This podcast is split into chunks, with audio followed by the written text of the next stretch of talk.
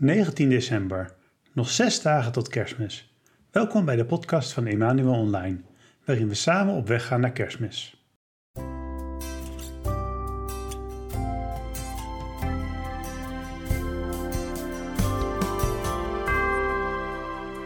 Gisteren hebben we gehoord hoe de engel aan Maria verscheen en vertelde dat zij de moeder van Jezus zou worden.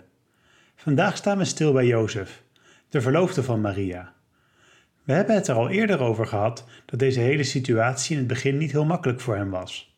Maar nadat de engel tot hem gesproken had, neemt Jozef Maria en Jezus in zijn leven op.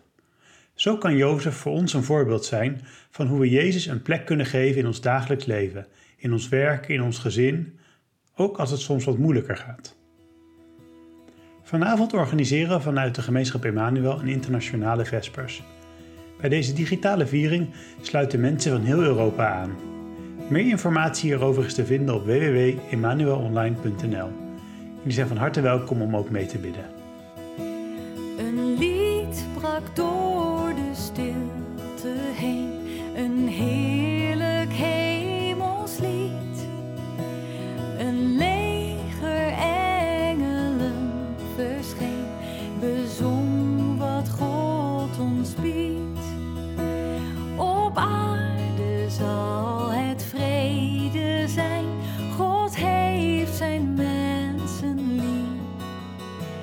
Verwonderd werd de wereld stil en hoorde het hemelslied.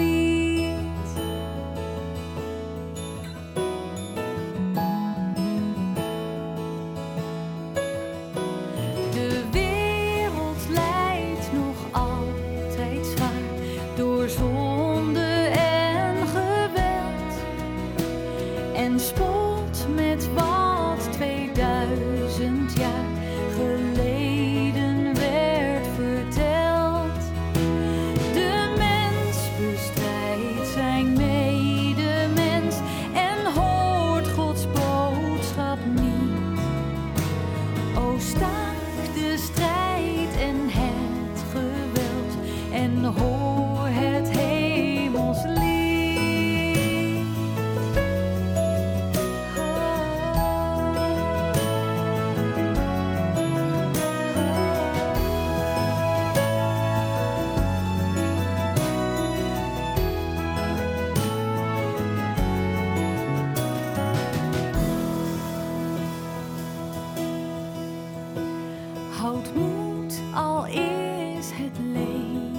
zwaar en drukt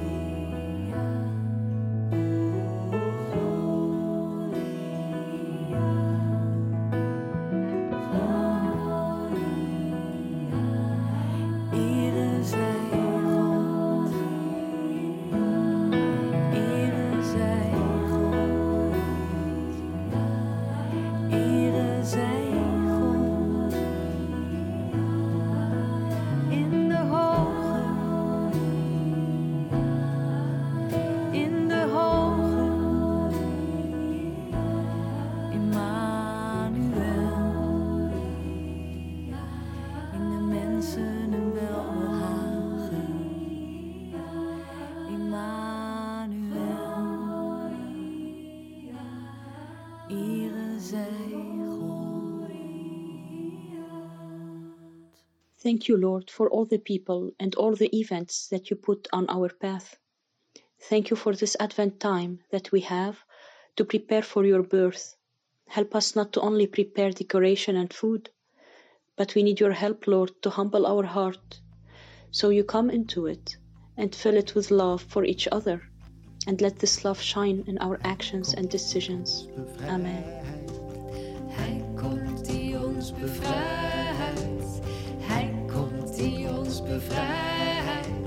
Hij komt die ons bevrijdt.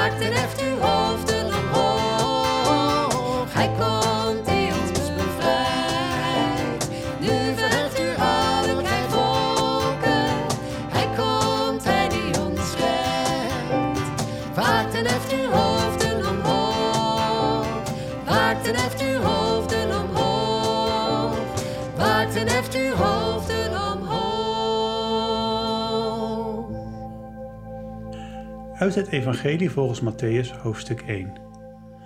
De afkomst van Jezus Christus was als volgt. Toen zijn moeder Maria al was uitgehuwelijkd aan Jozef, maar nog niet bij hem woonde, bleek ze zwanger te zijn door de Heilige Geest. Haar man Jozef, die een rechtschapen mens was, wilde haar niet in opspraak brengen en dacht erover haar in het geheim te verstoten. Toen hij dit overwoog, verscheen hem in een droom een engel van de Heer.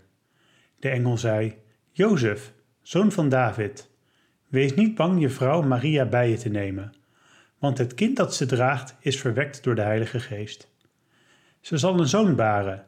Geef hem de naam Jezus, want hij zal zijn volk bevrijden van hun zonde. Jozef werd wakker en deed wat de engel van de Heer hem had opgedragen. Hij nam haar bij zich als zijn vrouw.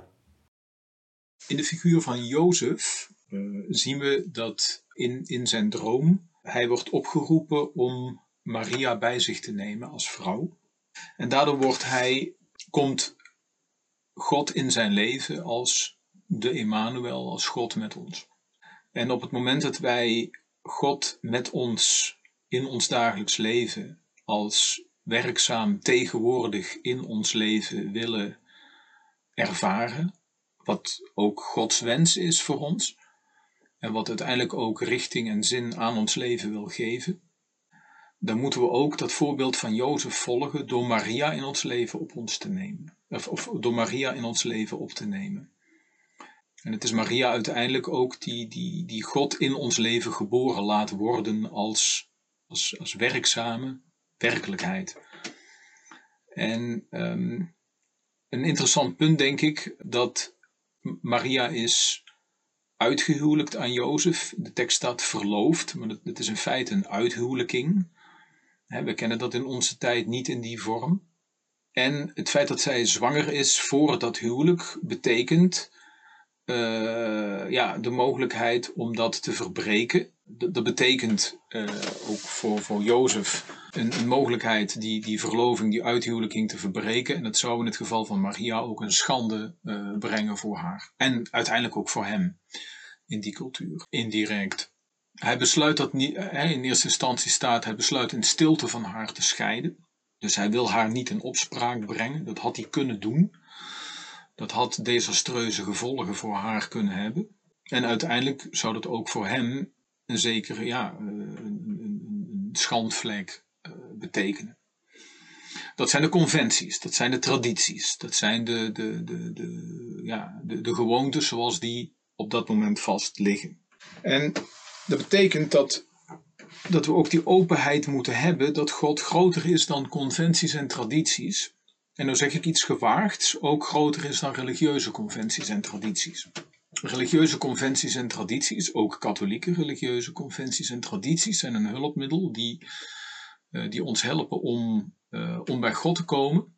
En tegelijkertijd moeten we altijd de openheid hebben en de ruimte bieden dat God groter is dan religieuze gewoontes en tradities en conventies. En dat God ons wil verrassen buiten religieuze, soms buiten religieuze conventies en tradities om.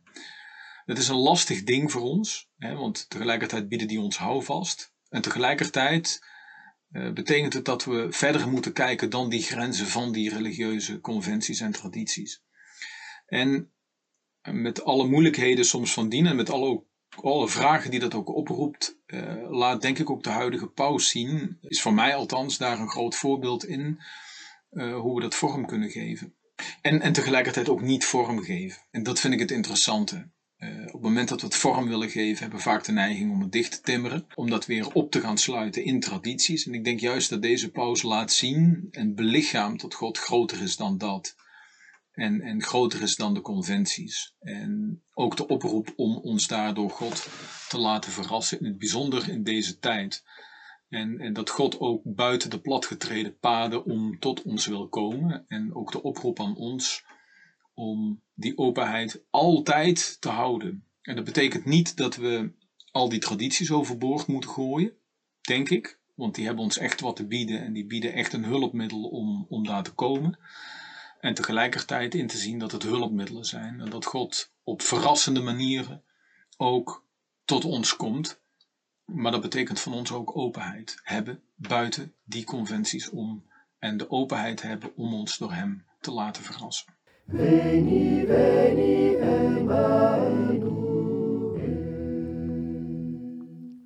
Wat betekent het dat God mens wordt? Die vraag werd mij, Michael uit Nijmegen, gesteld. Ik heb er het volgende antwoord op. Kerstmis is de geboorte van Jezus. En iedere geboorte is natuurlijk bijzonder. Iedere nieuwe unieke mens is bijzonder. Maar dat is niet waar het om gaat bij de geboorte van Jezus. Jezus is uniek, uniek op een andere manier. Wat daar gebeurt, gebeurt maar één keer. En het hoeft ook maar één keer te gebeuren. En dan zeggen we dat Jezus de Zoon van God is dat hij uit de hemel is neergedaald, dat hij het vlees, oftewel een lichaam, heeft aangenomen. Dat God is mens geworden. Dat zeggen we bijvoorbeeld in de geloofsbelijdenis. Maar wat betekent dat voor mij? Ik kan er alleen maar over nadenken door opnieuw, steeds opnieuw, de verhalen van het evangelie na te lezen en ernaar te luisteren. Die plechtige woorden die iedere kerstnacht herhaald worden. In die dagen kwam er een besluit van keizer Augustus. Over die volkstelling. En over dat Jozef op reis moest naar Bethlehem enzovoorts. Voor iets Wat 2000 jaar geleden, ruim 2000 jaar geleden gebeurd is, is dat erg precies. Niet een verhaaltje, maar ook na lange tijd een echte gebeurtenis. En als ik er dan over nadenk, dan denk ik dat niemand het zo had zien aankomen.